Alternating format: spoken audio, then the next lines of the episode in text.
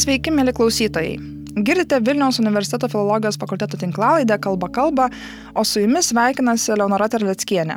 Neturėdama galimybės prisidėti prie podcast'o visą rudenį, prisisvajojau, ką norėčiau pakalbinti ir kokiamis temomis. Ir viena iš jų, be jokios abejonės, buvo tautosaka ir mitologija. Paslaptingos, tarsi tolimos, tačiau savo pasakojimai žavinčios ir audrinančios vaizduotę Ir man labai malonu, kad pas mus į Start FM studiją sutiko ateiti ir apie savo tyrimus pasidalinti Lietuvų literatūros ir tautosakos instituto mokslo darbuotoja Asta Skujytė Razmienė. Sveika, Asta. Sveiki, sveiki. Tad viliuosi, mėly klausytojai, kad jums pokalbis bus įdomus ir primenu, e, kad visai derindami savo akademinius darbus tenksime paruošti bent kelias laidas per mėnesį. Jei jums jos patiko, kviečiame pamėgti mūsų Facebook puslapį, YouTube kanalą, komentuoti, rašyti mums, jei turite minčių, ką dar norėtumėte apie filologus išgirsti. Tai viskas reklaminiai intarpai baigėsi ir kreipiuosi į tave, Asta. Ko ne prieš pat pandemijos pradžią apsigyniai disertaciją apie užkrečiamų lygų sampratą XIX-XX amžiaus pradžios lietuvių folklore. Tai kitaip tariant, e, pradėjai praeities pandemijų baimėmis ir gydimais domėtis, kaip sakoma, before it was cool. E, kas tave paskatino imtis tokios temos ir kaip apskritai pradėjai tyrinėti tautosaką? Tai galbūt pradėsiu nuo to, kad e, nuo to, nuo kur pradėjau domėtis, taip sakant, iš, čia, iš kur čia kilo tas susidomėjimas. Tai čia tikriausiai turėčiau dėkoti savo e, dėstytojai tautosakos kurso Saulė Matulevičianiai, nes būtent e, jo, per jos paskaitas aš supratau, kad na, visai įdomu čia ta tautosaka ir, ir norėtųsi pasigilinti daugiau.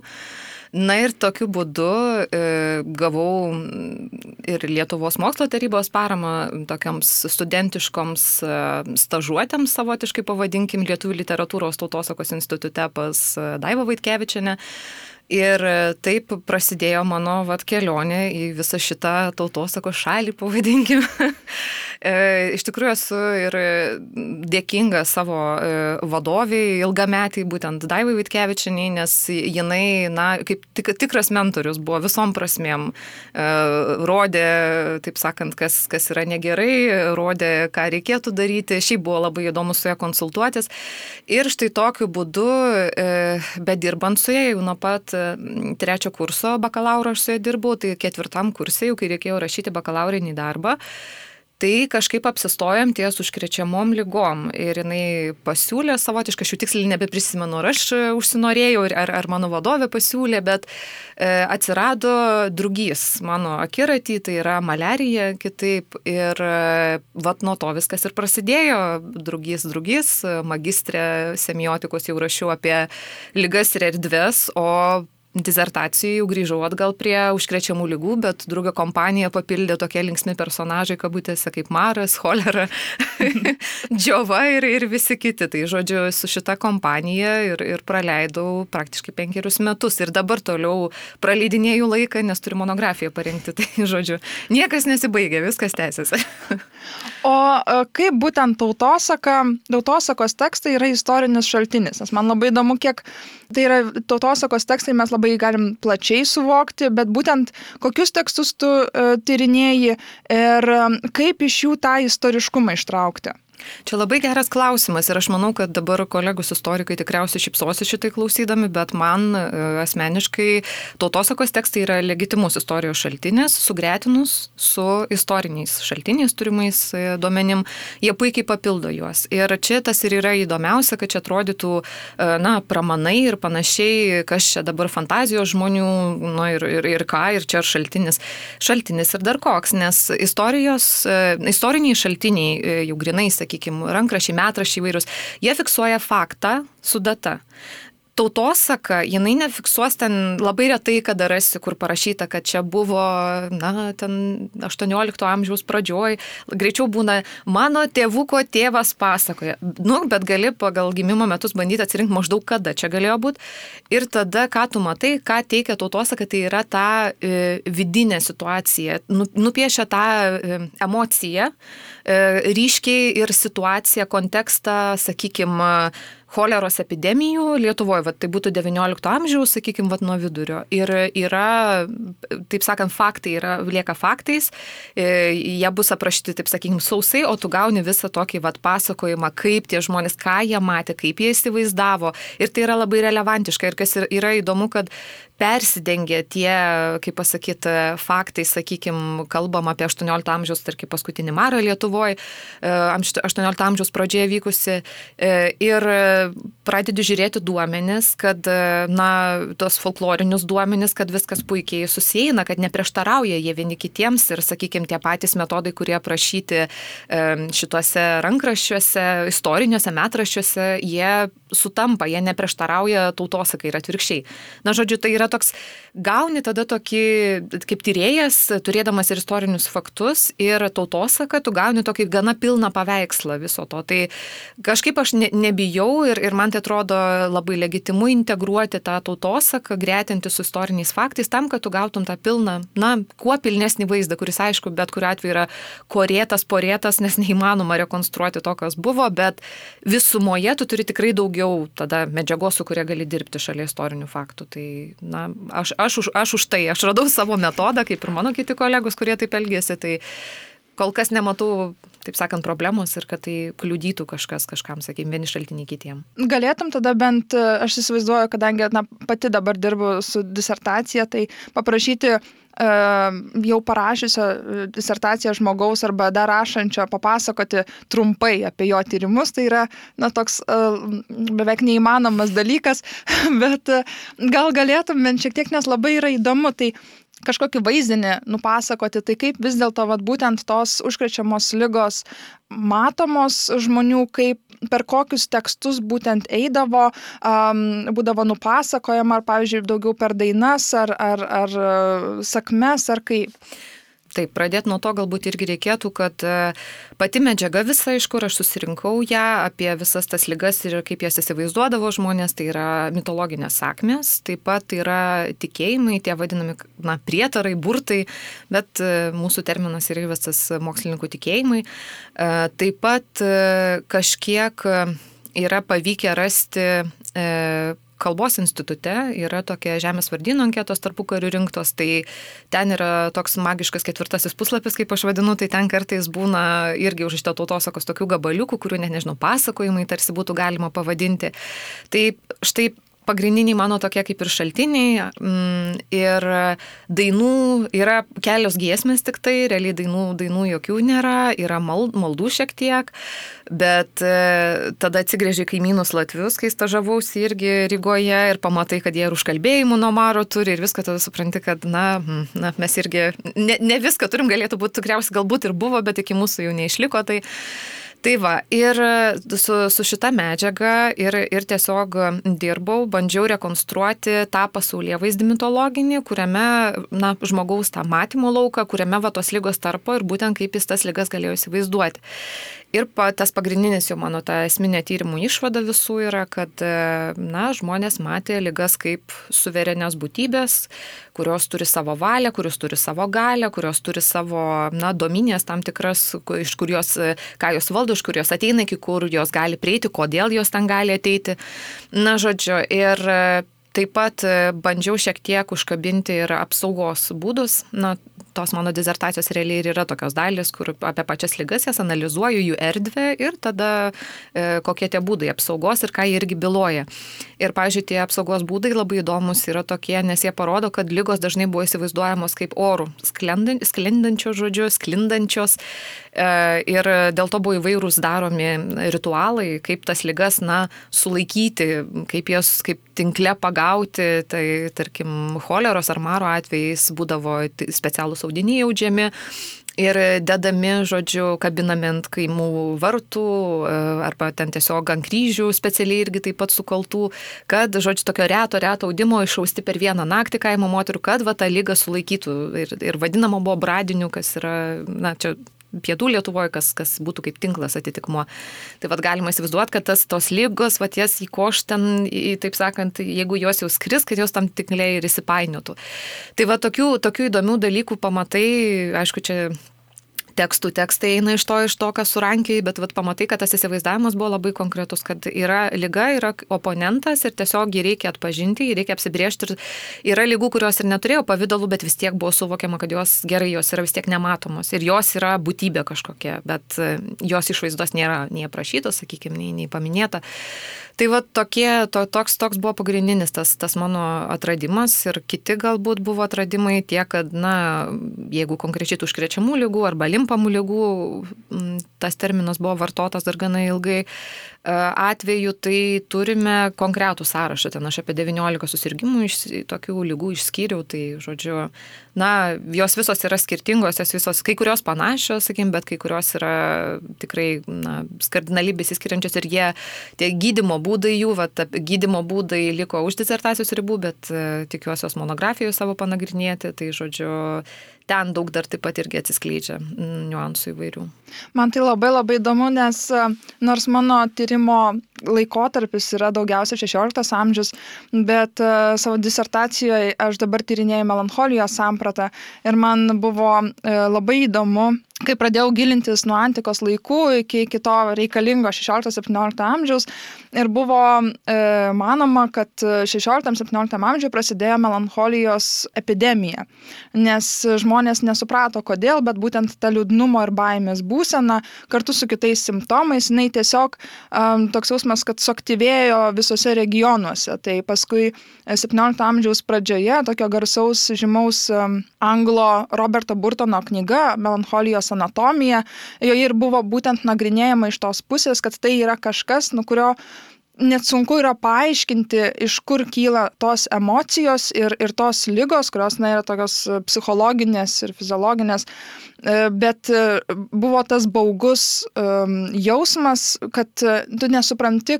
iš kur tiksliai tai kyla, kokia yra to priežastis. Ir man toks vienas iš įdomesnių, aš tiesą pasakius, čia taip truputį tik tais tiek, ką prisimenu, nes ne, man nereikėjo tiek daug gilintis, bet 16 amžiuje e, Luterono e, Filipo Melanchtono knygoje e, buvo užuomina apie tai, kad būtent melancholija gali būti perdodama lašeliniu būdu, nu, žodžiu, sklisti oru. Ir paskui tos idėjos, kad būtent jinai yra perdodama per orą, jos taip išplito, aišku, tai niekada nebuvo, kaip čia sakyti, mainstreamas, tai niekada nebuvo pagrindinė, e, bet tai tiesiog nu, tokios e, keliaujančios idėjos. Ir tai buvo taip stipriai e, žmonių ir mokslininkų pasigauta ir įsišaknyjo, kad pavyzdžiui mokslininkai sieja raganų medžioklę 17 amžiaus maždaug viduryje, kurios buvo na, ypatingai žiaurios ir tokia antroji raganų medžioklių banga, taip pat su tuo, kad um, jos yra užkrečiamos melancholija ir paskui melancholija yra siejama su demonais ir apsėdimais ir taip toliau ir panašiai. Žodžiu, Kodėl aš šitą prisimenu, nes kartais mums dabar atrodo, kad medicina ir lygos tai tarsi toks, nu, šiek tiek kitas žmogaus gyvenimo aspektas, kuris nebūtinai yra taip stipriai įsiliejęs. Mes turim ten vad darbus, šeimas, dar kažką. Bet iš tikrųjų tai ankstesniais laikais tas uh, lygos aspektas, jisai buvo labai labai arti ir visą laiką um, baimė susirgti, baimė sergančių žmonių, būtent to, ko negali pažinti ir taip toliau. Tai Aš tiesiog, čia, čia viskas, ką sakai, čia yra labai, labai taiklu ir būtent reikia vieną tik dalyką pažymėti, kad dabar mums įprasta būsena yra sveikata. Deja, dar 20 amžiaus vidury pilnai tai buvo nesveikata, būdavo norma. Ir dabar esam pripratę, o čia, nu, atsikeliu kažką skauda, na, tai bumetino kokio išgersiu arba dar kažką.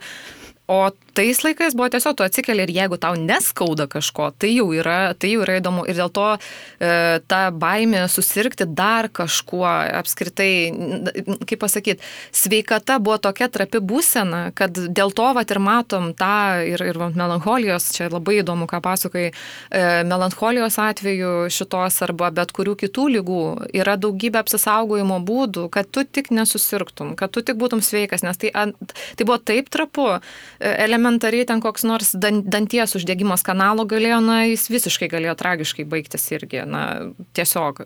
Tai viskas buvo taip, taip tokiam trapiam balanse e, tarp sveikatos ir, ir susirgymo ir lygos, kad tiesiog buvo būtina, būtina tai palaikyti. Ir sakau, mes iš labai patogios pozicijos dabar vertinam, kartais atrodo, čia aš pati pradžioje, kai pradėjau tirti, galvoju, kokie jautrus čia tie žmonės, kokie čia atsargus, čia kiek tų visokių būdų apsisaugoti, ten nuo medalikėlių šventintų, pradedant ten iki parūkimų kambario, namų ar dar ką. Bet tiesiog paskui supranti, kad, na, ne, jie, jie labai teisingai elgėsi, nes tu nesuvoki, kas yra ta lyga, nesuvoki, iš kur tu ją gali pasigauti, tu nežinai, kas kur yra ir tada tiesiog bandai visus įmanomus būdus išlaikyti tą, jeigu tu jauties gerai, tai kuo įmanoma labiau bandai šitą išsaugoti. Tai žodžiu toks, ne, na, nes kadangi, oi, čia atskira kalba būtų apie medicininę visą situaciją, apskaitai gydytojų pasiekiamumą to metinė, na, 19 amžiui, 20 dar iš dalies irgi, na, tai čia pro problematiška labai yra. Tai va, mes pradėjom dabar kalbėti ir iš tavo pasakojimo jau skleidžiasi, kokia ta tautosaka yra plati ir, ir aš noriu vis tiek sugrįžti vat, būtent prie tokių stereotipinių mm, visuomeniai įvaizdžių, kurie susijęs su tautosaka, kaip e, Aš čia prieš ruoždamasi laidai tokį mini eksperimentą buvau padaręs, nu, tokį bandžiau padaryti, tai aš tiesiog į paieškos e, laukelį buvau e, įrašiusi kad, e, nu, žodžiu, kažkokių nemokslinių, būtent neakademinių straipsnelių apie tautosaką. Ir visi, kuriuos atsidariau, akcentavo pagrindę du dalykus, kurie dažnai buvo persipinantis. Tai pirmas, kad tai yra išskirtinai praeities dalykas, um, liudijantis kažkokį dingusi pasaulį, kuriuose buvo ir dainos dainuojamos, ir myslės minamos, ir jas įmindavo, ir pasakos sekamos, ir taip to, toks idealizuotas dvasingas pasaulis.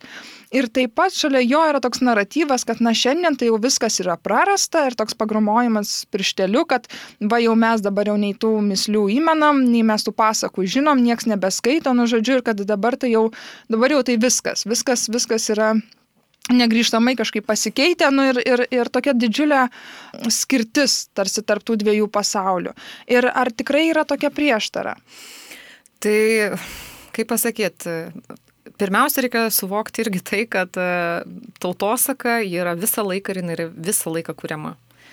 Čia mes nuo to niekur nepabėgsim ir dabar na, nežinau, jeigu kažkas e, pasiima, sakykime, frazę iš kokio nors e, youtuberio laidos, e, video ir, ir ją pradeda, jinai pradeda plisti.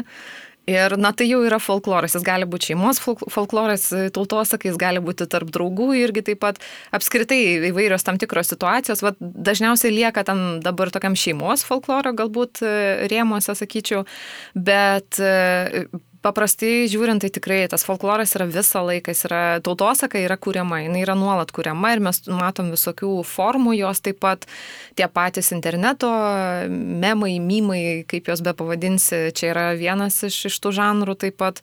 Na, žodžiu, sunku pabėgti. Yra tauta, yra tautosaka, viskas. Ir, ir čia, o dabar jeigu kalbėsim apie tai, kas buvo ir kalbėsim apie tai, ką mes, na, suvokiam, kai sakom tautosaka, kažkas ten rankraščiai, panašiai kažkokios senos knygos, babyčių, gritelės, e, laukai, šiaudiniai stogai, nežinau, tiesiog vardiju, kas ant seilės užeina. Tai taip, ta prasme, tautosaka jinai atspindi tuometinį žmonių gyvenimo būdą. Ir e, kadangi pasikeitė stipriai visuomenė mūsų dabar, na, daug kas tampa neberelevantiška. Tarkim, na, kam tas mislės minti, jeigu aš galiu, nežinau, nor, norėdamas palavint e, atmintį ar kažką, e, savo spręsti su doku kokius ten kryžiažodžius ar, ar, ar žaisti kažkokius žaidimukus telefone, ar kalbų kokiu mokytis per kokią programėlę. Na, žodžiu, o jeigu ten, sakykime, pasigendama yra to bendrumo, nes myslių tas minimas tai būdavo vakarais, kai visi sueina ir na, tai būdavo užsiemimas, kaip ir pasakų sėkimas, kaip ir sakmių kažkokių pasakojimas, tai būdavo šeimos veikla. Kažkas pešioja plunksnas, kažkas ten kokias, kažkas verpia, sakykime, vakare, bet su jie visi vad pasakoja. Tai būdavo tarsi tas šeimos laikas, na, jis kitoks dabar yra. Tiesiog jis pasikeitė, kai viena šeima leidžia laiką prie televizoriaus, kita šeima eina pasivaikščioti, kita šeima kiekviena, kiekvienas narys būna atskirai tiesiog kaip kam patogu. Tai galbūt labiau sakyčiau yra, mes turim tą tokį romantizuojamą tą įsivaizdavimą Ypatingai, aš sakyčiau, tai yra justi e, iš vyresnės kartos, e, kuri, na, yra patyrus dar to gyvenimo, jie žino, ką reiškia gyvenimas kaime, arba bent jau atostogos kaime, sakykim, kurie vis tiek miesto žmonės. Bet, e, tarkim, pati, kai administruoju ir mūsų puslapį Lietuvų tautosakos archyvo e, socialiniuose tinkluose ir įdedu nuotraukas įvairias ten iš 60-ųjų ar anksčiau gerokai, ir matai tos komentarus ir matai tą nostalgiją ir dažnai pasi, pasižiūri, mm, taip, matai, kad tai yra vyresnis žmogus, kuris, vat, vat anksčiau tai buvo dalykai, anksčiau viskas buvo tikra, anksčiau ir sniego buvo daugiau, anksčiau ir vasaros buvo gražesnės ir viskas. Na taip, bet tai yra, tai yra sentimentai, tai yra toks nenoriu sakyti, kad čia visi taip e, rašo vyresni žmonės, jokių būdų ne. E, tiesiog, na, iš tam tikrų pasisakymų tu supranti, kad tai yra būdingiau. Nes, na, mano karta, aš pati dar augus kaime ir išbandžius labai daug darbų, tai žinau, ką, ką aš kalbu.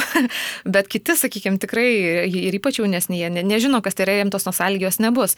Tai tiesiog reikalinga yra kita prieiga prie tų tekstų ir kažkoks toks aktualizavimas, nes tautosaka, jau, vad kaip kalbėjom, kad tai gali būti puikus papildymas papildymas istoriniams tekstams, lygiai taip pat jinai gali, sakykime, sunku yra skaityti klasikinius lietuvių autorius, tą pačią Simonaitytę, sakykime, Jėvą, jos kūrinius, ar kokį Krėvę, kuris ypatingai irgi su tautosaka turėjo didelį, didelį sąlytį, e, na, nežinant to konteksto tautosakinio. Ir aš čia nekalbu apie tas pasakas ar ten dainas, jokių būdų ne. Gal mes dar prieisim galbūt prie to pašnekėjimo apie dainas ir pasakas kaip tokį etaloninių, etaloninių žanrus. E, tiesiog bendrai vat, įdomi, įdomią kažkokią tautosaką, kuri vat, kontekstualizuotų tos papročius, tokius, sakykime, etnografiją grinai pačią. Mm, ir mano galva tai padėtų na, padėtų rasti savo kažkokį ryšį jaunesniems žmonėms, kurie, sakykime, šakių gyvenime rankose nėra laikę. Nebūtinai čia toks ekstremalus gana pavyzdys, bet Vat tai, ką aš noriu pasakyti, tai realiai ir yra, kad yra, yra nostalgija, yra tas romantinis visada tas požiūris, kuris realiai na, nuo romantizmo pas mus ateina, sakyčiau, drąsiai čia teikčiau, kad yra, yra tas romantizuotas tas požiūris toks į, į tą kaimo žmogų, į tą, tai, kas buvo, kaip tokį kilnesnį laiką, pilnesnį laiką.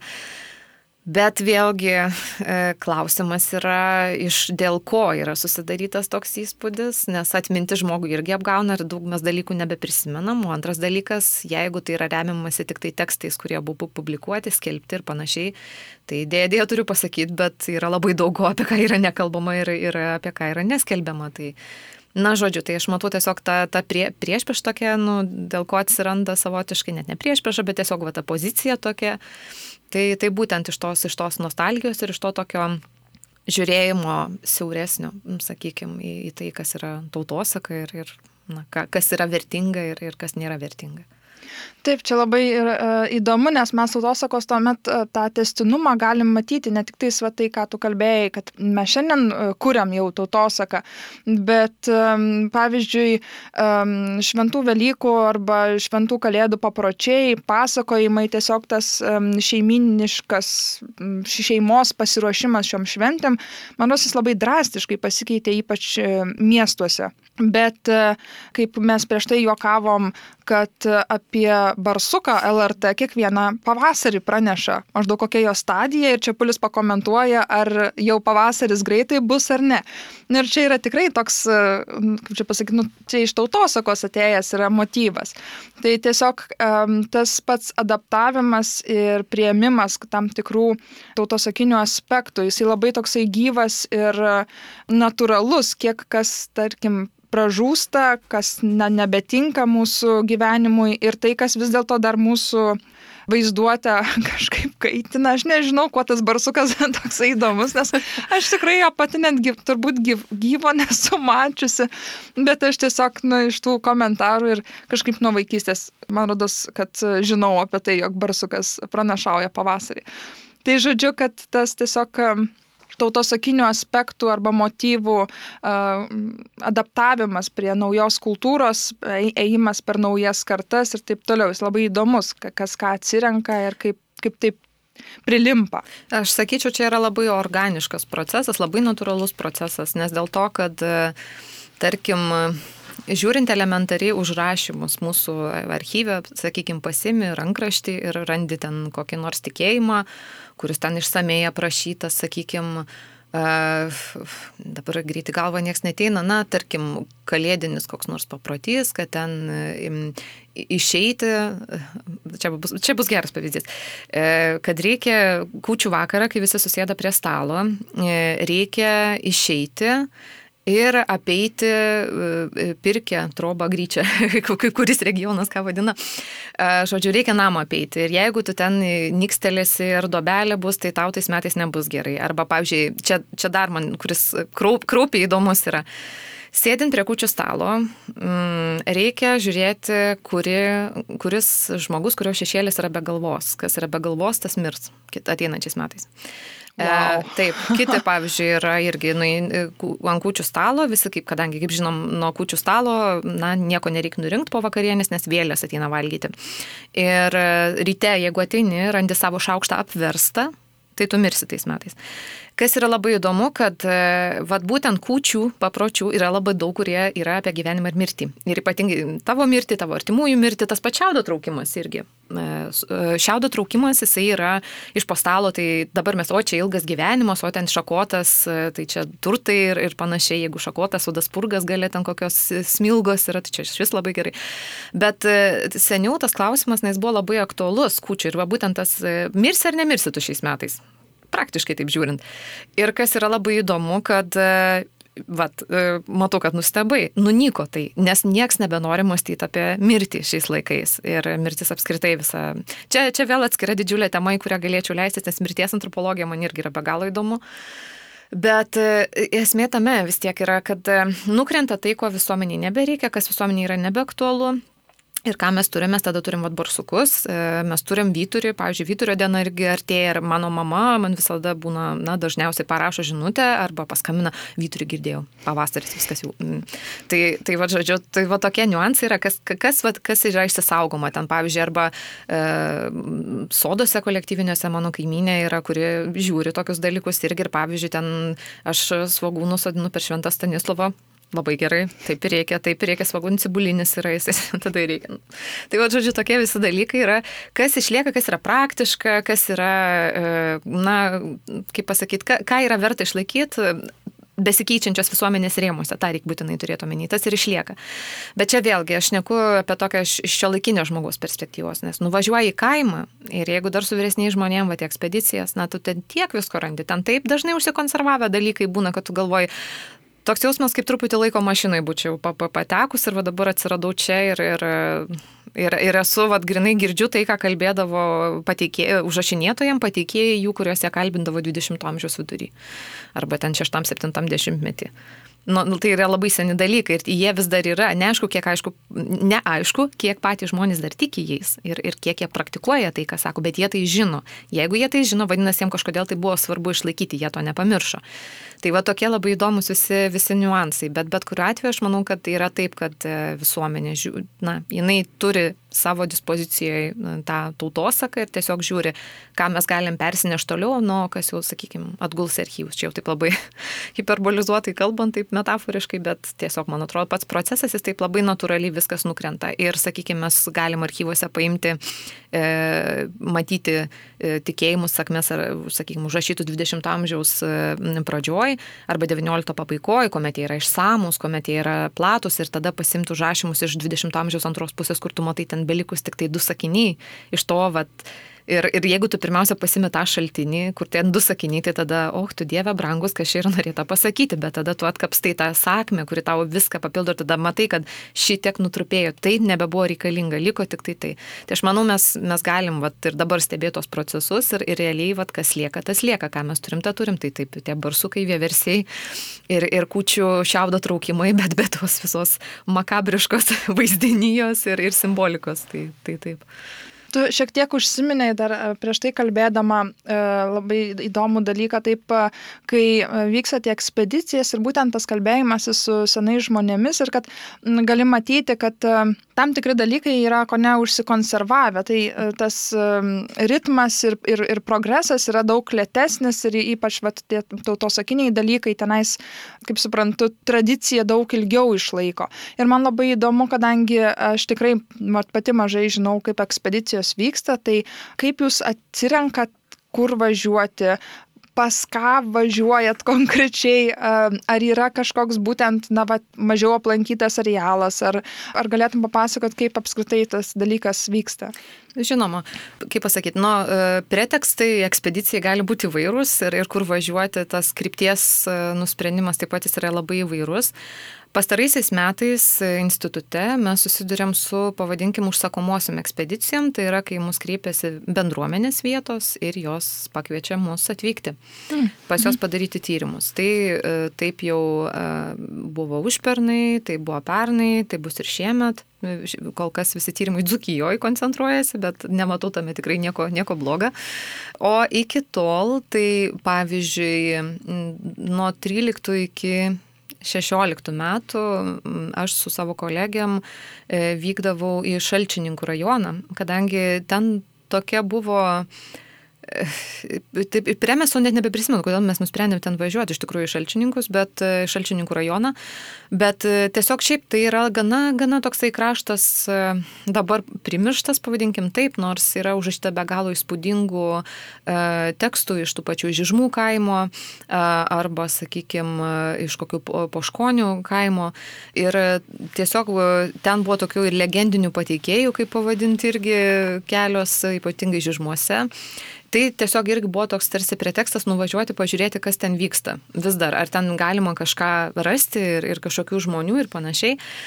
Ir taip išėjo, kad mes radom ir mes radom tokią vieną labai labai ypatingą žolininkę, pas kurią ir lankėm dėja, kaip, kiek žinau, jinai mirusi jau yra, mm, bet tiesiog be galo džiaugiuosi tais vat, keliais metais to bendravimo su ją, kuomet mes tiesiog kartu su ją eidavom į miškus, jinai rodydavo žolės mums visas, mes viską prašinėdavom, filmuodavom ir rašinėdavom, žodžiu, tai buvo labai labai įdomu matyti tokį žmogų visiškai iš tradicijos, kuris e, turėjo, taip sakant, na, nežinau, sakytum, Dievo dovaną ir, ir gydyti, rinkti tas žolės ir atpažinti ir mokėti integruoti tiek senąją žinyją, tiek paimti iš kokio domašnai doktor, ten straipsnių pritaikyti, ką televizijoje girdėjau, ką laikraščio skaitė, ką kokia bobulka sutikta stotį pasakė iš serijos.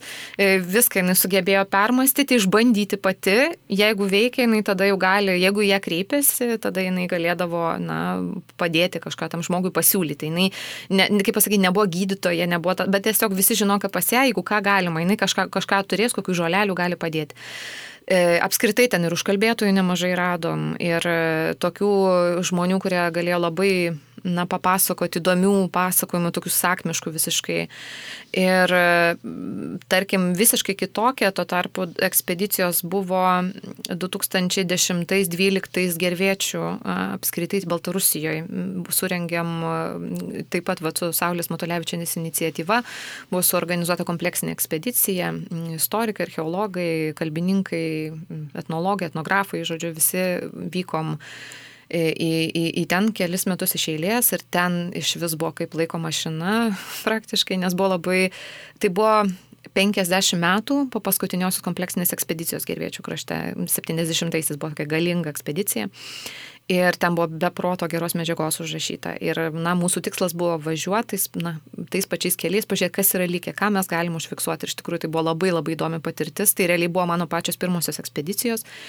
Ir iki šiol, na, nešiojęs aš tą vaizdinį visą ir tas apskritai suvokimas, kad tu esi kitoj šalyje, bet tu sėdi tarp žmonių, kurie šneka tokia gražia rytų Lietuvos, va, tokia šiek tiek dzukiška ta kalba, senoliai tokie be galo šviesus ir, ir užkalbėtojų ir ten, kurie ir užkalba ir siūlais matuoja, ten specialus toks gydimo būdas ir gali papasakot e, e, apie, na, apie ką klausia, apie tą gali pasakyti iš serijos. Ir tokie malonus, visi džiaugiasi, kad čia iš tos didžiosios Lietuvos jau atvažiavo kažkas, na, tai tokio, tokio buvo įdomaus labai.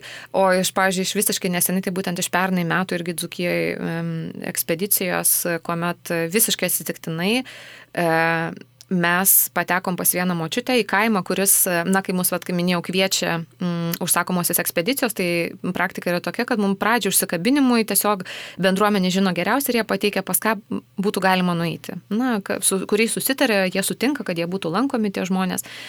Ir va tokiu atveju mes tiesiog iš to sąrašo ribų išėjom ir tiesiog nuvykom į vieną kaimą, kur radom močiutę, kuria, ką klausė, jinai tą galėjau pasakyti, aš apšalus, sėdėjome mes pasę keturias valandas, gal išbuvom su kolegiam, buvom apšalusios nuo jos tiesiog e, žinijos ir tų tokių senų dalykų, kurių jinai galėjo papasakoti.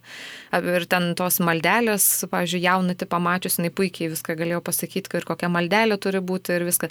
Žodžiu, nuvyksti ir tu pamatai, kad kai kuriais atvejais nieko, koks čia progresas, ta prasme, nuvažiuoji ir tu girdi tai, kas, ką tu skaitai tik tai, o tu girdi tai gyvai ir žmogus pasako, kad jis arba tai e, bandęs yra, arba tai daręs, e, kad ir seniai, sakykime, prieš 40 metų, 50 metų, gal nes dažniausiai tie žmonės jau yra 70 plus e, metų amžiaus. Bet e, tiesiog yra, yra kažkokia fantastika. Nu, nusikeli kartu atrodo, taip sakant, ne tik, kad e, kai jau rankraštinė sėdi, vartai rankraščius jau atrodo, kad jau transportuoja save kažkuria dalimi tuos laikus ir, ir o, kaip įdomu viskas, kaip įdomu. Ir čia, o čia tu esi gyvai tam kontekste ir tu matai, kad tas žmogus iš tikrųjų, jisai, sakykime, tai pasakoja ir jis tuo tiki. Na, ypatingai jūsų užkalbėtojais, jiegi praktikuoja, tai jie negali, na, negali kitaip, kitaip daryti dalykų, jeigu jie ne patys netikės to, ką daro. Tai žodžiu, e, pačios tos ekspedicijos tai mm, tokiu principu vyksta, kai yra tiesiog subūriama komanda ir, ir tada yra vat, arba užsakoma, kur važiuoti, arba pasirenkama pagal kažkokius vat, progas, sakykime, kaip gerviečių buvo, arba tokiu atveju, jeigu tu nori kažkokias vat, užpildyti juodasias kilės iš serijos. Bet kitais atvejais tai yra tiesiog, na, galima ir pašaudyti iš serijos, kur tiesiog važiuoji kažkur ir, ir sustoji ir pamatai kažkas įdomus, o gal pabandyti pašnekinti ir tada pradedi šnekėti ir matai, kad žmogus šneka, sutinka būti įrašomas, viskas gerai, važiuojam tada, taip sakant, su tuo pokalbiu ir tai ir be galo įdomu.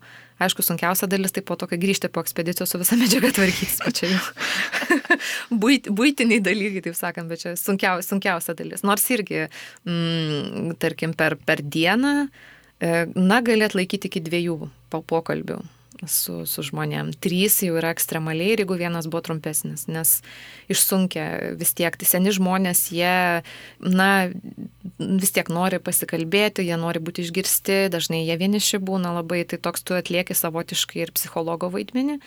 Aišku, mūsų tam niekas neruošia, viskas ateina iš praktikos, Bet, e, na, mes sakom, po to ir mums reikia jau pas psichologus kitą kartą nueiti, nes tiek prisiklausai dalykų yra buvę, kad ir pati verkiau, klausydama, kaip patikėja pasakoja, nes tokių dalykų išgirsti, tu supranti, kad nu, apie tai nekalbama yra ir to labiau, kad taip piktis ima toks, e, taip sakant, ypatingai kai moteris prabyla, nes kiek neteisybės ir žiaurumų yra patirta, tai dėl to kažkaip džiaugiesi, kad tie laikai praėjo ir reikėtų dar pasistengti, kad jų visiškai liktų užmaršti. Tai žodžiu, čia šiek tiek nukrypau, bet e, esmė vis tiek tame, kad ekspedicija yra patirtis, bet kuriuo atveju ir gerai suorganizuota ekspedicija yra labai gera patirtis, nes tiek priklauso nuo to, ką tu randi pas pateikėjus, bet apskritai ir kaip tu gyveni, kiek kokios tavo galimybės ir panašiai. Šiaip bet kuriuo atveju šiemet irgi turėtų vykti vasarą ekspedicija, tai labai laukiu. Tikiuosi, kad irgi bus geri rezultatai ir įdomus tekstai. Bet jūs koncentruojatės daugiausiai į vyresnio amžiaus žmonės, aš kalbu, tie, kurie tikrai gali, na, papasakoti. Nebūtinai. Yra, tarkim, mum negalėjo, tarkim, papasakoti apie vieną užkalbėtoją vietinį, tai mes važiavom, susradom jo dukrą, kurį ten gal 40 metų ir kalbėjom su ją ir nėra taip griežtai, yra tikrai 50 mečių, kurie praktikuojantis užkalbėtojai yra ir teko tokių kalbinti, bet dažniausiai dėja, nu, ta tendencija yra tokia. E, įdomiausia tai būna, kai, sakykime, ateinam kalbint močiutę kokią, kuri ten 80 metų, 90, kitą kartą gal seniausia patikė, kurią aš esu šnekinus buvo šimtos su trupučiu.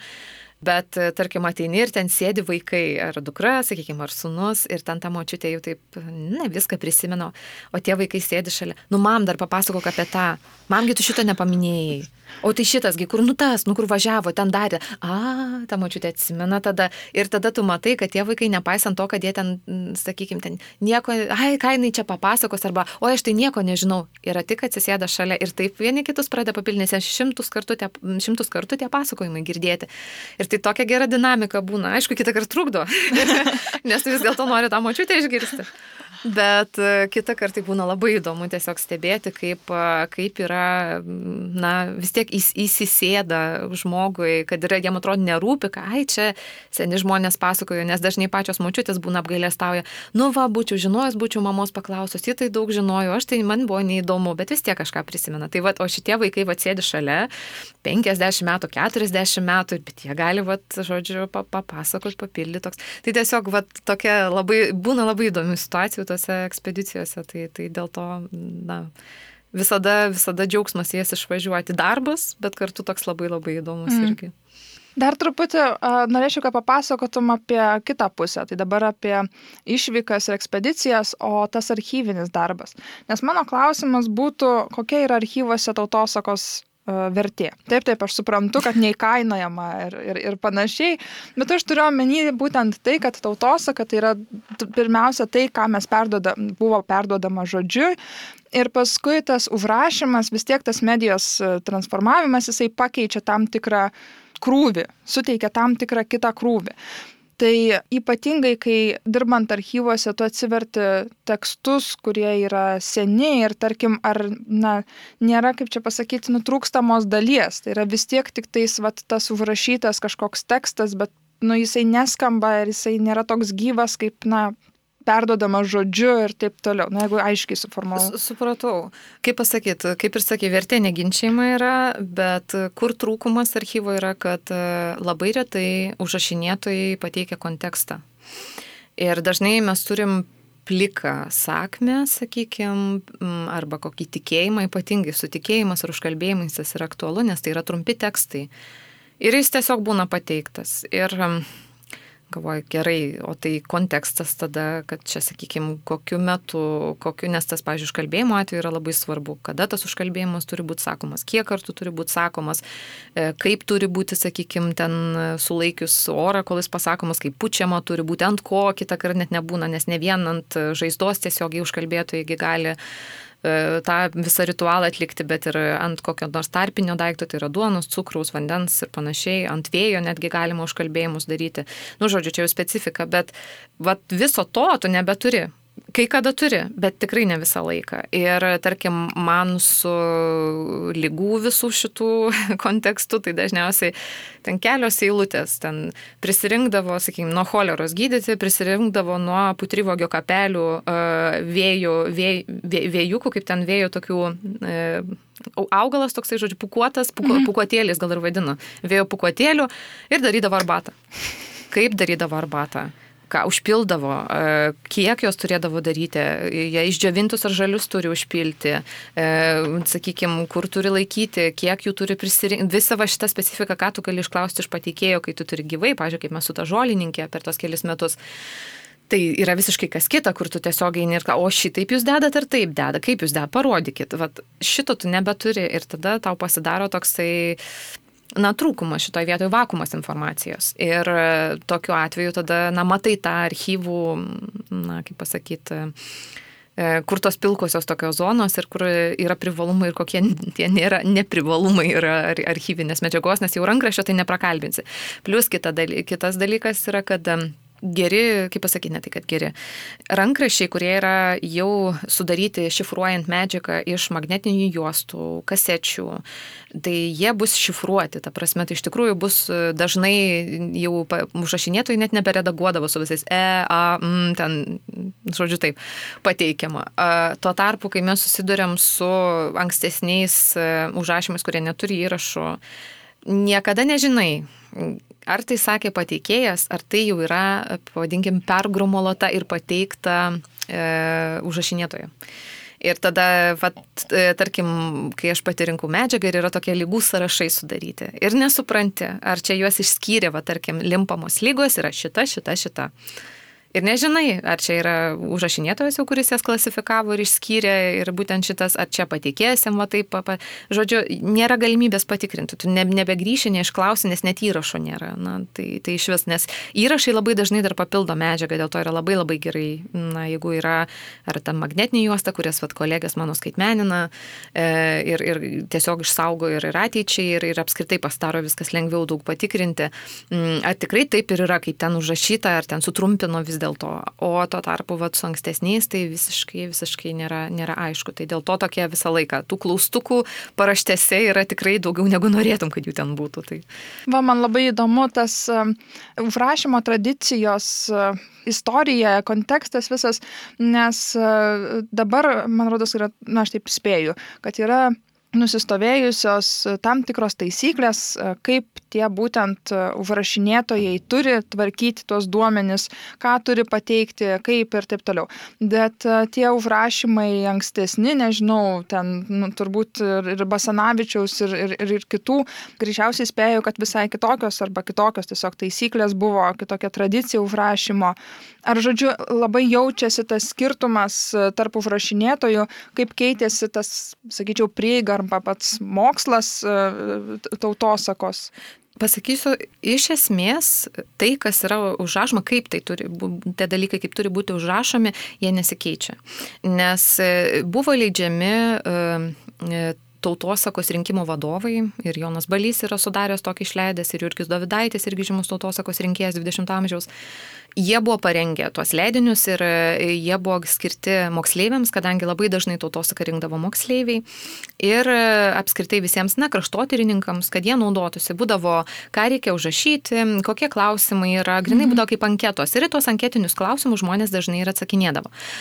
Jono Basanavičiaus atveju jisai turėjo brolį Vincą Basanavičių ir Vincas Basanavičius būtent buvo tas, kuris labai daug medžiagos rinko ir jisai savo nuožiūrą kiek žinau, e, na, kiek pati esu skaičiusi, kad e, būdavo, aišku, e, jau Jonas Basanavičius atsiunčia ir pasako, ko reikėtų paieškoti, bet dabar jeigu nesuklystu, iš tikrųjų, kad, na, buvo ten, bet irgi yra, yra užrašyta, kai iš, iš ko užrašyta, taip ne visą laiką preciziškai labai, jau tarpu karių, sakykime, užrašinėta tautosaka buvo gerokai jau, jau, na, aiškesnį rėmai, ką reikia, kokie metaduomenys, kaip mes dabar vadinam, turėtų būti pateikiami.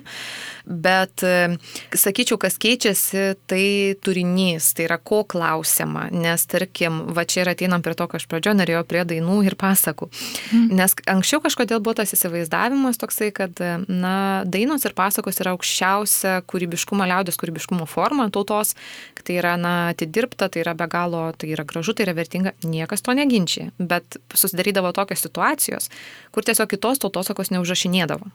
Ir tarkim, ta pati liaudės medicina, na, nepasakyčiau, kad yra labai daug jos užrašyta. Jos yra, bet dažnai, pavyzdžiui, bus rinkinys, tarkim, tas rankraštis ir ten 95 procentai bus dainos užrašytos, kai kurios su melodijom, kai kurios be melodijų ten kokie 3 procentai pasako ir 2 procentai tai, kas yra smulkioji tautosaka, kelios myslės, kelios patarlės, priežodžiai, na, vad, keli tikėjimai, burtai kažkokie, vad, viskas. Ir taip dažniausiai yra rinkinių, kurie visiškai dedikuoti liaudės medicinai, yra, bet jų nėra daug. O yra dažniausiai jie yra įsimaišę kažkur. Tai toks vat, buvo, kad yra ką vertinga rinkti ir ką būtina yra rinkti. Ir tada, vat, kas yra, kas yra, na, nebūtinai taip jau, kad reikėtų užrašinėti, fiksuoti. Tai tas, vat, sakykime, tos pačios talalinės dainos, tai yra, na, nešvankios dainos, arba kaip Mažiulis, vienas iš tyrinėtojų, užrašinėtojų, yra prašęs pornografijos dainos, žodžiu, jos nebuvo rinktos, nors tai yra, oh, koks galingas žanras. Ir jo yra gana, gana daug. Aš kaip juokiuosi dažnai, kad irgi, kai aš atėjau dirbti į archyvą, tai vienas iš mano pirmųjų darbų, kuriuos gavau, tai buvo šifruoti įrašus ir vienas iš tų, tai buvo toks linksmų plaučių dėdulis, kuris būtent tas talalinės dainas varė. Nu, tai krikštas buvo kaip reikiant, sakau, į archyvą atėjus. Tai va, tai žodžiu, va tokia tautosaka, jinai, e, obsceniška tautosaka, sakykime, kažkokia, kurios irgi tikrai yra daug. E, ir iš to, kas užrašyta, jos yra ir užrašyta, bet kiek galima įsivaizduoti, kiek neužrašyta buvo. Tada įvairūs irgi, na, tai kas yra vadinama moteriška tautosaka, grinai dėl, na, lygo, lygos moteriškos, taip, taip pat ir vyriškos. O, jeigu pradėsim dar kalbėti apie venerinės lygas, tai čia yra tokia juoda dėmė ta prasme, kad, na, nėra informacijos praktiškai, jos yra tiek mažai, o, o jie buvo sirgta, istoriniai duomenys rodo, kad tom įvairiom veneriniam lygom buvo sergama.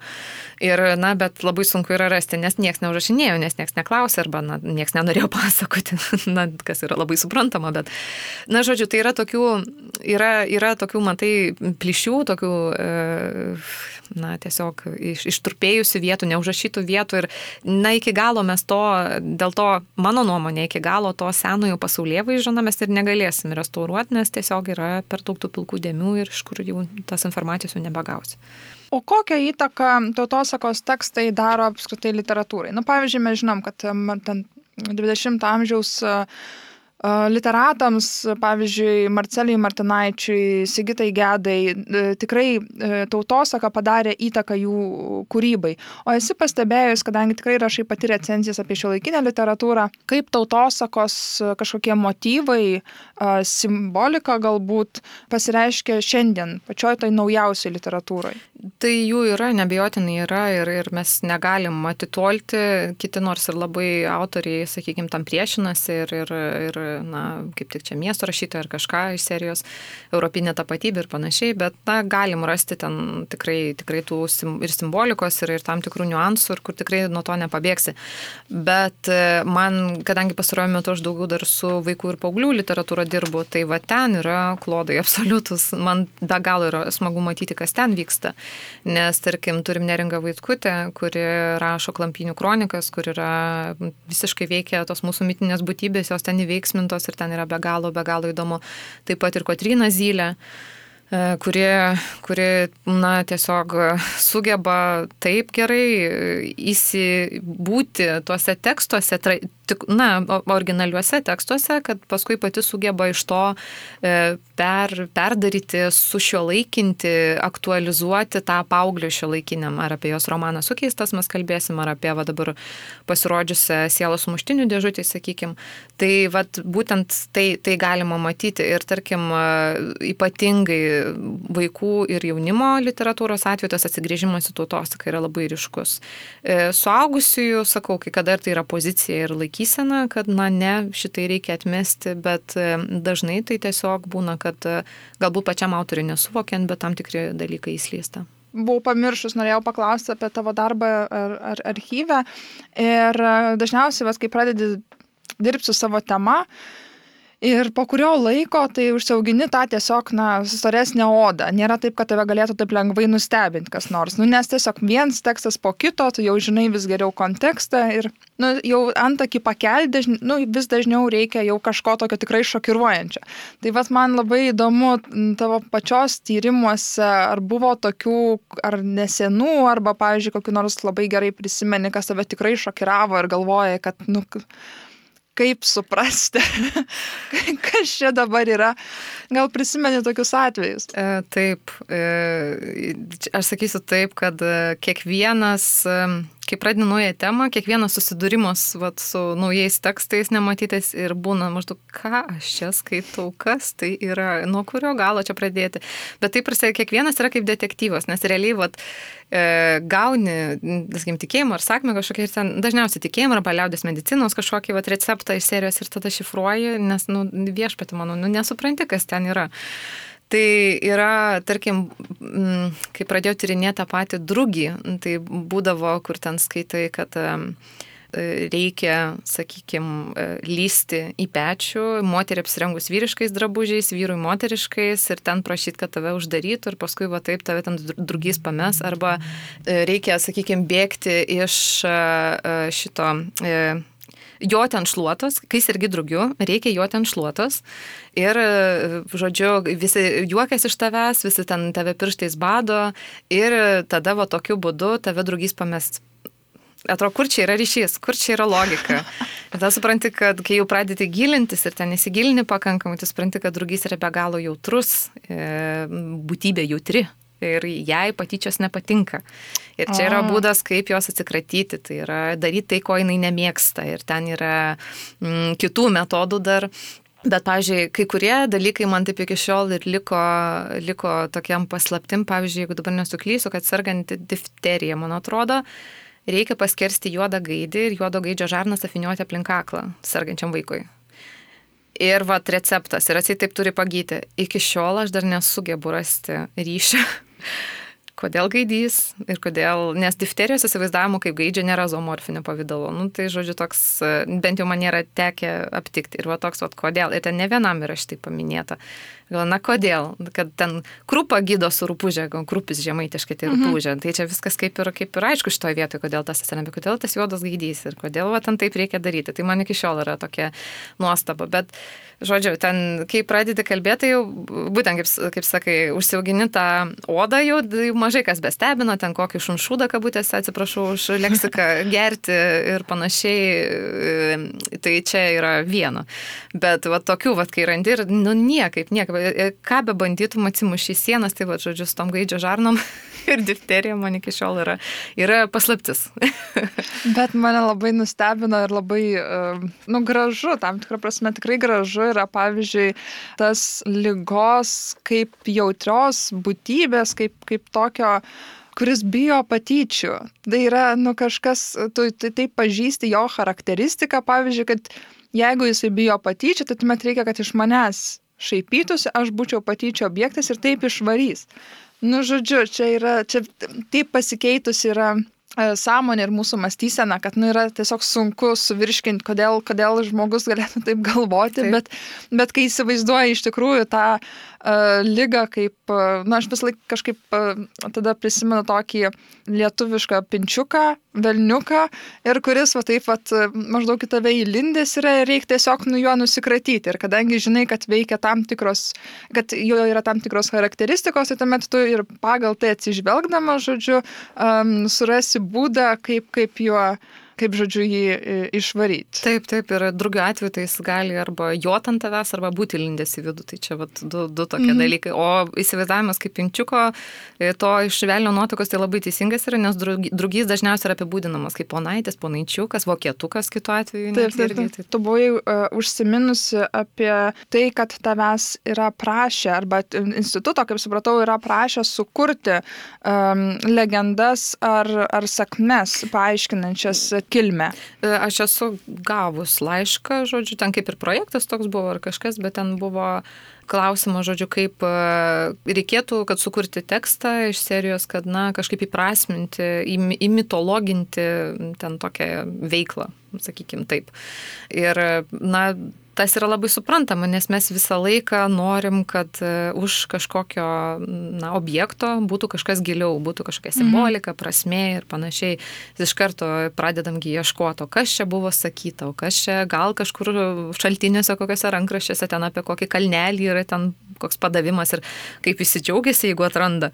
Tai va čia yra tiesiog tas, tas noras, va, tarsi suvokia, kad yra, yra dalykas, bet va, tas norėjimas iki galo, e, na, kaip pasakyti, tai yra tarsi sudėti sudėdamasis elementas būtinas, kad e, pasakojimas ar vieta įgautų tą krūvį, tokį kultūrinį svarbų, tiesiog tą simbolinį kažkokį, kad jam reikia pasakojimą, jam reikia tos vat, mitologijos, kažkokios legendos ar, ar dar kažko, kad, kad tai pradėtų funkcionuoti pilna vertiškai, nes panašu, kad e, objektas e, lokacija, sakykime, kažkas, kas neturi, neturi už, užnugario to kuris visiems čia atrodo juokinga, kad čia babučių pasakos ir panašiai, bet jeigu nėra tų babučių pasakų už to objekto, tai, na, jis nebus pilnavertis. Toks, toks tikrai įspūdis, kai žmonės tiesiog iš, iš visur, jeigu nėra kūrė patys, mhm. tokiu atveju, tada ir, ir tekia yra būti ekskursijose, kur, kur tu išgirsti ir galvoji, hm, nu ne, bet čia gerai, kažkas labai gerai padirbėjo, bet kiek žinau, tai taip nėra, bet gerai, užskaitom, kaip kūrybinį, kaip kūrybinį tokį jau proveržį. Man tai labai um, pažįstama, nes puikiai žinom, kad seniausios lietuvių giminės, LDK giminės, tai visos irgi turėjo savo kildymosi istoriją.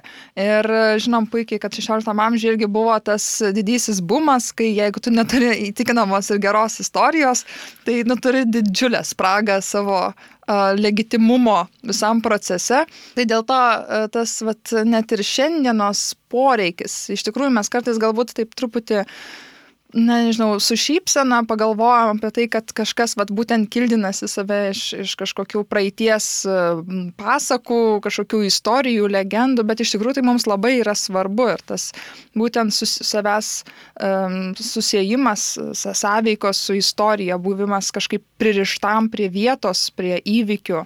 Tai apskritai, man atrodo, atsispindi labai irgi ne tik tai va tos tautosakos, sakykime, kažkokio mitų kūrimuose, mito ieškoje, pavadinkim, ar, ar ta legendų paieškose, norint tą sustiprinti, kaip vat, gerai sakai, leg, legitimumą. Mm. Giminę stiprinu, bet taip pat vat, ir tą vietos ar objektų legitimumą. Bet apskritai ta žmonių irgi e, noras vat, e, aiškintis apie savo šaknis, apie savo uh, giminę, žinoti, ar ten gal buvo bajorų. O jeigu buvo bajorų, kaip būtų gerai. Na, žodžiu, tai uh, lygiai taip pat šito tikslo vedini žmonės eina pas mus ir į archyvus ir prašo ieškoti, rasti jų artimųjų tautosakos, ar gal buvo užrašinėta, arba mes žinom, kad buvo užrašinėta, maždaug tokiu laiku, suraskit. Nes jam irgi yra svarbu, vat, turėti, jeigu įrašai yra, tai šviečia fantastika, bet vat, turėti tą tokį visumą, vat, ką mm. mes atsinešim įsitvirtinti, nes Na, man aš tokį kaip liūdnesnį tokį, tokį dalyką matau, kad na, lietuvių kultūrinė, ta atmintis ypatingai, kai mes kalbam apie tą valstietiškąją visuomenę, na, jinai yra trumpa. Ir buvo labai įdomus atliktas tyrimas Gustavo Jūzalos, um, kuomet jisai tyrinėjo, jeigu dabar nesuklysiu, prie Kauno gyvenančių Lenkų šlėktų na, bendruomenę. Ir tiesiog pamatė skirtumą kiekybinį, kokybinį tarp to, kaip yra saugoma atmintis ir ką jie gali papasakoti ir kai jie prisimena ten įvykius na, 19 amžiaus, 18 amžiaus ir taip toliau, jie vat, turi tą atmintį, o tuo tarpu mūsų valstietis, nu tai savo babą, probabutę geriausiu atveju atsimins ir va, ten ir baigėsi. Labai labai retos išimtis, kai yra, mm, na, tenka girdėti, kai ten prisimena kažką seniau gerokai, kad, kad tai pro prosenelio kokio ten ar pro pro pro prosenelio. Dažniausiai tai būna, o dėdukas mano sakė, aišku, dar reikia išsiaiškinti, kas dėdukas yra, nes čia irgi terminija yra, yra dar, dar labai opus klausimas ir identifikavimas visų dalykų, bet e, esmės tai nekeičia, kad, e, na, atmintis e, valstietiškai kultūroje nėra ilga. Ir va, su to, kai susiduri ir paskui matai, na, jauti, dėl ko žmonės yra, eina į archyvus, ieško savo šaknų, ieško savo šeimų ieško savo šeimų legendų, e, šitų pasakojimų, na, va, kad kažką turėtų tokį substancialaus. Manau, kad tai yra svarbu. Esi ruošusi paskaitą apie Vičerio bestiarijų. Ir e, klausytojams trumpai priminsiu, aš net nebejoju šiaip jau, kad turbūt jau retas ant žemės yra belikęs tas, kuris nežino, kas tas Vičeris, bet tai yra Andžėjaus Sapkovskio fantastinis daugiatomis pasakojimas apie raganių, susilaukęs didžiulio populiarumo. Knygos buvo išverstos į daugybę kalbų, tarp jų ir lietuvių, ir būtent tą populiarumą, žinomumą atgaivino pirmiausia sukurtas kompiuterinis žaidimas, e, susilaukęs labai gerų atsiliepimų ir paskui Netflix'o serialas. Žodžiu, pasakojimas apie raganių Geraltą iš Rivijos yra jau tapęs atpažįstamų kultūrinių aspektų, plintančių mymais, e, e, medijomis įvairiomis ir taip toliau. Tad kuo tau Vičerio bestiarijus tapo įdomus ir patrauklus ir, na, atrodo, toks um, tinkamas tyrimams? Bestiarijus yra tik vienas iš aspektų, kuris mane ten domina, bet uh, jeigu jau apie jį klausti, tai jo, galiu papasakot. Tiesiog, uh, kas man yra labai įdomu, kad uh, būtent Raganiuje ir Vičerio visam šitam žaidime per žaidimą ir per apskritai Sapkovskio novelės, kaip yra integruojamas folkloras, europinis. Pradėkime mhm. nuo to. Ir e, nors e, dažnai ir apie patį raganių, ir apie žaidimą, ir apie, apie knygas yra sakoma, kad na, tai yra slaviškas jis yra, nes taip, tai yra Lenkų autorius, vėliau žaidimą kūrė Lenkų kompanija. Bet dabar, vat, kaip tik dirbu prie straipsnio, kuriame analizuoju tą, kiek ten to slaviškumo yra, per kuris atsiskleidžia, kokiais aspektais ir, ir, ir kiek ten jo visgi yra, o kiek jis yra europietiškas bendrai. Nes tai, kad šito žaidimo fenomenas, kad jis kalba m, mm, apskritai na, žmonėm nepriklausomai nuo jų gyvenamosios vietos, nuo jų etninės kultūros ir, ir, ir, ir panašiai, tai rodo, kad tai yra kažkas daugiau negu vien tik na, vienos tautos e, arba na, konkrečiai, sakykime, vienos atslavų, sakykime, palikimo reikalas, kad tai yra kažkas universalesnio. Tai, tai dabar analizuoju visą tai. Bet e, bestiarijuje, kas yra įdomu, tame jo, na, žvėrinčiuje, tai yra, kas yra sutelkta tos būtybės visos, kaip jos yra transformuojamos, nes jos yra paimamos iš tautosakos, na, iš, iš pačios Lenkų, sakykime, taip pat rusų, bet yra ir vokiečių tautosakos, tarkim, panteone bendram, tarkim, yra net ir lietuviškos tautosakos. Tai, žodžiu, na, personažų iš lietuviškos tautosakos mitologijos, labiau taip reikėtų sakyti. Ir e, tiesiog mane kas labiausiai domina, tai būtent kaip yra tie elementai peržaidžiami, kas yra pajungiama, kas akcentuojama, kaip tai vizualiuoji plotmiai pasireiškia, nes labai, na, įspūdingai yra sukurti tie mitologiniai personažai. Ir e, tada pradedi galvoti, lyginti su mūsų lietuvių, kokius aprašymus turime, tada pradedi žiūrėti per rusų na, mitologijos ir folkloristikos darbus, žiūrėti, ką, ką jie ten turi surinkę, lyginti irgi. Tai labai, labai tiesiog yra perspektyvu ir kaip irgi jokiausi prieš pokalbį, kad nuo 2017 metų, kai pradėjau tyrinėti, taip ir tyrinėjau. Tai, tai rodo, kad tai Na, yra, yra, yra, yra, ką ten veikti. Ir, ir... O pavyzdžiui, kokių lietuvių, lietuviškos tautosakos elementų pavyko rasti? Tai tarkim yra mm, žaidime, dabar atrodo antram Witcherio žaidime, Assassins of Kings yra e, kaip buvusios religijos, e, na, ten galima likučių rasti, e, į mišką užėjus, tai vėjopatis, tarkim, yra, kuris mhm. yra, na, grinai lietuvių, lietuvių bal, baltų, sakykim taip, e, mitologinės, na, dievybė buvusi tarsi. E, ir tarkim, ten yra stabas jo ir, ir panašiai.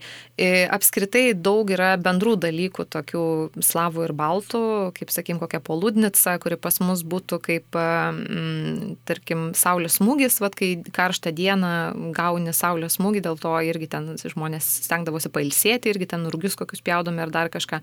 Na, o slavai, vat, lenkai, pavyzdžiui, irgi turėjo būtybę, bet ta poludnica buvo, kuri ten mojuodama šituo pjautuvu, žodžiu, ateidavo, jeigu tu dirbi vis tiek vat, per vidurdienį neklausai, tai vat, pakerta tave nualpsti, nu, nes dėl to, kad neklausiai. Tai vat, yra, yra tam tokių, mes tokios būtybės neturėjom, bet vat, tas principas yra tas pats, kad reikia ilsėtis vidurdienį, tik tai Lenkai dar pasikazdindavo konkrečiai, su kuria būtybė turėjo. E, tai vat, yra, yra tokių, arba, pavyzdžiui, e, taip pat ir nekrikštas, kuris yra irgi bendras e, ir, ir lietuvių, ir vat, slavų, sakykime, irgi šitoj raganių yra visa misija didžiulė apie, apie tą nekrikštą besisukanti. Tai be galo įdomu yra ir, ir tai, ką, kas ten vyksta, yra labai artima tam, kas yra, yra folkloriška, ypatingai tas e, pakrikštėjimo momentas ir panašiai čia yra labai labai folkloriška. Taip, aš atkreipiau dėmesį irgi um, žaisdama ir, ir paskui taip pat ir pačiam seriale yra tokių momentų, kur tu neprisimeni istorijos arba tiksliai nežinai istorijos, bet um, simboliai yra labai atpažįstami arba mitologiniai uh, veikėjai. Pavyzdžiui, Vičerio žaidime yra galbūt net kelis kartus pasikartojančios trijų raganų arba tokių trijų buvusių gražių mergelių, kurios dabar yra, na, švelniai tariant, nelabai malonios išvaizdos senės. Ir, žodžiu, tas pasikartojantis motyvas, kaip ta transformacija ir, ir jų piktumas ir, ir, ir um, vaikų persekiojimas arba, na, kanibalizmas. Nepabijokime šito. Ačiū, taip, būtent šitas žodis. E, žodžiu, tai, kad e, aš net negalėčiau pasakyti jokios istorijos nieko, bet aš puikiai žinau ir, ir galiu atpažinti tiesiog tą siužetą. Ir dėl to jisai e, yra toks įtaigus ir, ir kartais, na, truputį keliantis šiurpą, nu, jis, jis tiesiog pačią emociją sukelia. Taip, nes e, ypatingai vat, tos Veleno senės yra labai įdomus personažas, nes e, jų tas trieda tokia, trys jos yra įsišaknyjęs, jis yra labai senas vaizdinys. Tiesiog tai yra graikų moiros, e, mhm. visos likimo deivės, e, tai yra pasakų, kur ateina, tarkim, e, pagrindiniai veikėjai padėti, ateina trys tetos ir viena su didelė lūpa, kita su didelė koja, kita su ten su pirštu, sakykime. Tai, vat, ir tai yra vaizdinys iš ten, o šiaip tai jinai yra, jos trys yra, būtų tarsi ir babos jagos atitikmo rusų jau tautosakos personažo, na ir lenkai ją turėjo, grinai ta transformacija, kuomet yra, nes baba jaga, ko aš daugiau pradėjau gilintis, rašydama tą straipsnį, tai supratau, koks tai yra be galo įdomus ir sudėtingas personažas. Ir visi tyrėjai, kurie būtent užsėmė su šina, šito mitologinio personažo tyrimais, tai jie tą būtent pabrėžia, kad tai yra be galo kompleksiškas personažas, kuriame yra susipinę labai daug funkcijų ir, ir, ir vaizdinių, ir, ir simbolikos, ir tarkim, tai tas kanibalizmas irgi yra labai būdingas babai jagai, iš visgi gyvena trobelėje ant, ant vištos kojos ir tengi tvoros yra iš kaulų ir, ir kaukolės su šviečiančiom akim ir viskasgi mhm. ten rankenos irgi žmogaus kūno dalis, na žodžiu, jinai visiškai ir jinai tarsi tokia irgi saugotoja tarp gyvybės mirties, to tokio praleidėja, sakykime, vartininkė, grinai prižiūrinti tą ribą tarp gyvųjų mirusiųjų pasaulio, ką iš dalies daro ir tos vėliano senės, kurios, na, kuriuom yra skiriama kartą per metus ta puota, kurios atsirenka jaunimą ir tas jaunimas užlipa ant kalno ir jis iš ten atseit grįžta, pasikeitęs ir po to išeina iš to kaimo, o ten realiai tos senės ir yra to jaunimo pasivertusios ir, ir jos tiesiog jos suvalgo tos jaunus žmonės. Tai va toks tarsi irgi jos administruoja tą pereimo ritualą, sakykim taip bet, na, apgaudinėja, sakykim, tuo tarpu Baba Jaga pasakose, jinai, na, jinai padeda herojui tam jau e, įveikti tas kliūtis ir pereiti tą ritualą, tokį, na, herojaus mito, sakykim, jinai to viso Campbello terminai šnekant, jinai yra labai svarbi sudėtinė dalis. Prisiminiau, iš tikrųjų yra, pavyzdžiui, Korejos, tai Pietų Korejos um, žaidimas e, sukurtas, vadinasi Tree of Savor, ir jis yra pastatytas ant lietuvių mitologijos. Tai yra visas žaidimas yra sukurtas remiantis lietuvių mitologiją. Aš pati ne, ne, nesu jo žaidusi, nes tiesiog tokie uh, online žaidimai, kaip supratau, jisai toks yra, uh, man nelabai, bet, bet man tiesiog buvo labai įdomus tas, na, žinia, kad uh, būtent visiškai kita kultūra, kuri um, stipriai nutolusi labai daugeliu aspektų nuo mūsiškės, e, pasiemė būtent mūsų mitologiją kaip, kaip vat, įkvėpimą žaidimo siužetui. E, ir vadinasi, kažkuo buvo įdomu, kažkas, kažkas netikėto, ką, ką jie galėjo pritaikyti, rekonstruoti. Aišku, ten kiek skaičiau um, atsiliepimų ir iš lietuvių, kad ten sakė, jog kai kur yra nusivažiuota stipriai, na, žodžiu, netitaikyta, šaltiniai ten iškreipti ir taip toliau, bet aš manau, kad čia lygiai tas pats, kaip ir žiūrint, pavyzdžiui, kokius nors žaidimus, kuriuos komentuotų skandinavų mitologijos tyrėjai, kurie irgi, kai tenais ir Freja netaip pavaizduota ir, ir, ir, ir, ir kiti personažai, tai žodžiu, bet pats tas aspektas, kad tos mitologijos yra įdomios, perkuriamos, jos keliauja iš vienos kultūros į kitą ir net ne tik anksčiau, bet ir, ir mūsų, mūsų laikais. Taip, taip, čia tas įdomu yra kaip visiškai kita kultūra. E, ir dabar jau einant link pabaigos, e, šiaip mūsų klausytojams taip pat labai rekomenduočiau, yra tavo e, blogas, vadinasi Estastic Ir tenais yra įrašai ir anglų kalba, ir lietuvių kalba. Ir kai ruoždamasi mūsų pokalbiui, aš užtikau tą e, blogą, pradėjau skaitinėti ir vienas tavo straipsnis, įrašas, ne tik tais, kad, kaip čia pasakyti, patraukė dėmesį, aš perskaičiau, bet sukėlė tokią didelę uh, minčių laviną, nes jisai buvo skirtas tamsiai akademijai, ar kaip angliškai Dark Academia manau, kad dauguma mūsų klausytojų turėtų įsivaizduoti, kas tai yra. Tai yra būtent toks kaip ir estetikos stilius, kuris idealizuotai, gražiai pateikia tokį romantinį, maždaug XIX gal amžiaus e, senos bibliotekos, e, koks Oksfordas, Kembridžas įsivaizduoji, tada tokios arba prie žvakių šviesoje, senos knygos, gražus tokie senoviniai drabužiai, žodžiu, labai tokia estetika, kuri yra labai paveiki, e, jinai turi tokį nostalgijos stiprų jausmą, tu niekada galbūt net nesilankęsis tokioje bibliotekoje, bet nu tu atpažįsti tą jausmą, e, ramybės kažkokio žinojimo, susikaupimo ir taip toliau ir panašiai. Ir žodžiu, skaitydama tą tavo įrašą, aš supratau, kad nors mano visi aspektai pagal mano tyrimų sritis ir, ir šiaip pusė gyvenimo būdo labai atitiktų to viso Dark Academia um, stiliui. Bet iš tikrųjų mano charakteris yra beveik visiškai priešingas jam. Tiesiog nu, man, man yra gražu į tai pasižiūrėti, bet aš, aš, aš visai savęs, kaip čia sakyti, su tuo ne, ne, ne, net, netapatinčiau. Ir labai įdomu buvo tai, ką mes ir prieš laidą kalbėjom, kai tu įvardyjai būtent irgi akademijos mitologizavimą, kad būtent su tam tikru estetiniu stiliumi, kuris yra susijęs su akademija šiuo atveju, yra kuriamas vaizdinys, kuriama mitologija, kuri, na, va, taip čia pasakyti, skleidžia tam tikrą žinę apie akademiją, apie akademijos pasaulį, apskritai ką reiškia uh, gilintis, studijuoti, daryti galbūt uh, mokslinę praktiką, darbą ir taip toliau. Taip, tai yra be galo yra įdomus reiškinys ir apskritai tos visos estetikos, jos labai mm, pasidarė ant bangos su karantino pradžia. Pasaulį tai 19, 19 jau pabaigo, bet 20-ais jos, aišku, buvo žinomos ir seniau, bet tiesiog atrado savo auditoriją, nes žmonės sėdėjo namuose, na ir kągi čia padaryti, viskas taip, na, atsibodė ir, ir viskas nervina galų gale ir nuo viskas įpavargęs ir tada kažkokia reikia eskapizmo. Ir būtent šitos estetikos tai siūlo, ar kalbėsim apie Dark Academy, ar yra kotičko, ar apie kokį ir bet ką galima kor pridėti gali mhm. ir ten jau tai jau bus estetika. Bet Dark Akademija, kodėl man įstrigo iš karto, nes tai galvoju, aha, tai čiagi apie mus, apie akademikus, apie tyrėjus, apie mokslininkus. Na ir ką mes čia turim. Pradėjau žiūrėti ir galvojant, kad aš seniai tokį gyvenimą gyvenu, tik nežinau, kad pavadinimas jisai turi stilių šitas.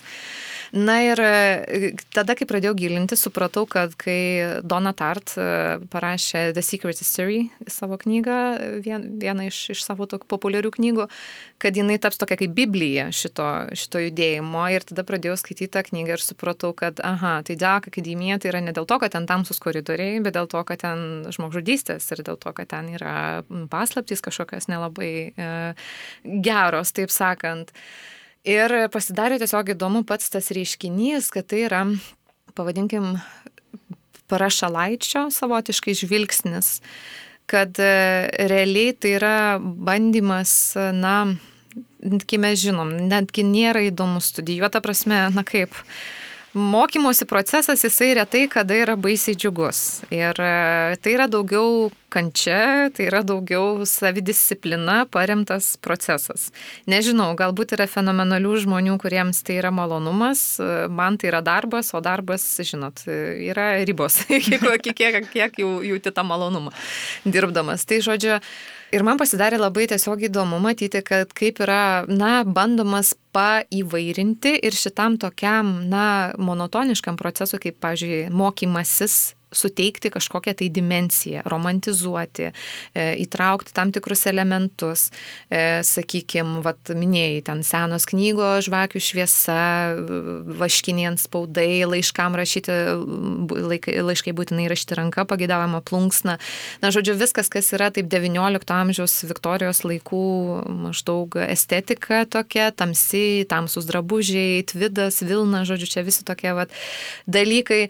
Na ir tada, kai tu jau susikūrė tą savo outfitą vadinamą, jau tą savo išvaizdą, aprangą, tai ką tu dėvi, na ir tada pasidarai, kur tu mokaisi, turi susitvarkyti tą vietą, vėlgi seni baldai, žodžiu, viskas, kas vintažas, viskas, kas antikvaras, čia puikiai tinka. Ir tada, e, na, prašau, tu gali sėsti iš to romantiškoje aplinkoje, sudegę žvakių, skaityti tą knygą, daryti tos lietuvių namų darbus e, kalbos ar ruoštis kokiai nors paskaitai, sakykime, prezentaciją PowerPoint'o kokią. Na, žodžiu, tai tiesiog pati ta pastanga yra tave įkvėpti, kad tu mėgautumės tuo procesu, pastiryti arbatos, atsineš sausainių. Na va, ir kas yra įdomu, aš po to lindu į formus žiūrėti, ką žmonės apie tai sako. Ir man, kas mane taip stebino ir, tarkim, Tumblerį tam pačiam Reddite, na, tu matai, kad žmonės džiaugiasi, nes ta estetika jiems padėjo atrasti na, džiaugsmą mokantis, e, džiaugsmą studijuojant, džiaugsmą įsisavinant naują informaciją, kad susitvarkius aplinką, ji motivuoja labai tave daryti, daryti dalykus. Mhm. Nebūtinai tai gali būti ir kūrybinis procesas ir panašiai, bet aplinkos estetizavimas jisai turi vat, tiesioginę sąsąją su motivacija daryti dalykus ir, ir užsimti veiklą kažkokią. Tai man tas pasirodė labai įdomu. Ir aš tada supratau, kad tas Deka akademijas yra toks, na, kaip pasakyti, e, bandymas įmesti tokio prieskonio į tą visą mokymosi procesą, vat parodyti, kad, aha, kokie tie akademikai, jie čia gal netokie ir nekalti kaip dedas ir panašiai. Mes žinom, kad tai netiesa, na viešpatė, ką tu gali ten nuveikti, tose auditorijose ir panašiai, kokios čia dar paslaptys, bet, vat, e, na, norisi žmonėm tos paslapties ir norisi tos mitologijos, tokios kažko mitologizavimo, netgi šiek tiek, vat, demonizavimo, nes ta Deka akademija ir yra būtent apie tai, kaip iš pažiūros gražų gražus, tvarkingi, daug pasiekę žmonės iš tikrųjų gali, kaip mano amžinatelis babytė sakydavo, velnius varinėti. Na, tai, tai čia ir yra va ta, va ta tokia situacija. E, tačiau tai yra labai įdomu, kad e, nepaisant va, šitos visos tokio sluoksnio, kuris yra, na, toksai kaip sakau, de, truputį demonizavimo pusę ir, ir tokio įtarumo, tai jis kartu turi tą tokią labai teigiamą, pozityvę žinutę, kad va štai tu gali susikurt ir tokią aplinką pas save, aišku, neturėsi ten kelių šimtų metų senumo knygų už nugaros susikrovęs, bet e, štai va ant stalo gali pasistatyti žvakę ir jau tau žiūrėk bus kažkaip galbūt geriau. Ir kas yra įdomu, kad apskritai kalbant apie tą akademiją tipo estetiką, tai yra ir Light akademija, ir Grey akademija, na, žodžiu, čia kiek, kiek ko, ir Romantic akademija, kaip tik nori, kaip pažiūrėsi, bet apskritai tai, kai aš pradėjau domėti šito fenomenu, tai mane taip nudžiugino, kad, e, na, aš tai prašau, mokymasis, e, e, jis toks trendi tampa dalyku. Nesvarbu, kad tu, sakykim, tik tai išvaizdoj, sakykim, nešiuosiesi knygą kaip aksesuarą po pažastim ar ką, bet apskritai, kad tada, kad ir taip, simboliškai, bet tu vis tiek tada, e, na, e, vėlgi vartojant nelietuvišką terminą, bet promotinį, tarsi reklamuoji vat, e, tą stilių, apskritai žinę, žinojimą kaip vertybę, kaip kažką, kas, kas gali būti, na, ant bangos tuo metu. Čia aš taip jau labai grubiai tas lietuviškas atitikmenis parinku, bet, bet tiesiog esmė tokia. Tai, tai tiesiog, e, va tai mane pačios sužavėjo ir sakau, kai atradau, kad tai atitinka kaip e, na, mano pasaulyje žiūra ir tada pradėjau dar šiek tiek kaip mokslininkai, tada jau smalsumas e, kilo pažiūrėti, na, kas, kas, kas yra už to slyp ir kodėl tai yra taip populiaru. Tai, nu, žodžiu, jeigu tai žmogui nemaišo, kaip tik, na, įkvepia kažkam naujam, kažkokiam patirtim, vaizdam, na, galų gale kažkokius didesnius pokyčius ir vidinius lemia, tai, tai tik tai pliusai. Ir, ir na, žodžiu, viską reikia mokėti prisitaikyti. Kaip ir kalbėjom apie tautosaką, kad organiškai viskas, kas pritampa, tas pritampa, kita yra atmetama, manau, kad čia ir gyvenime tokia taisyklė galima vadovautis. Puiku, ačiū tau labai esą už tokį puikų pokalbį, labai buvo įdomu. Labai tikiuosi, kad ir jums um, klausytojai patiko. Tai tuomet aš uh, dar kartą dėkodama atsisveikinu. Ačiū Asta. Ačiū, kad pakvietėt. Ir tuomet e, klausytojams primenu, kad e, mūsų laidų galite klausytis jums prieinamose platformose, tai nuo Spotify, YouTube, e, Google Podcasts ir, ir visur kitur. Ir iki kitų susiklausimų. Iki.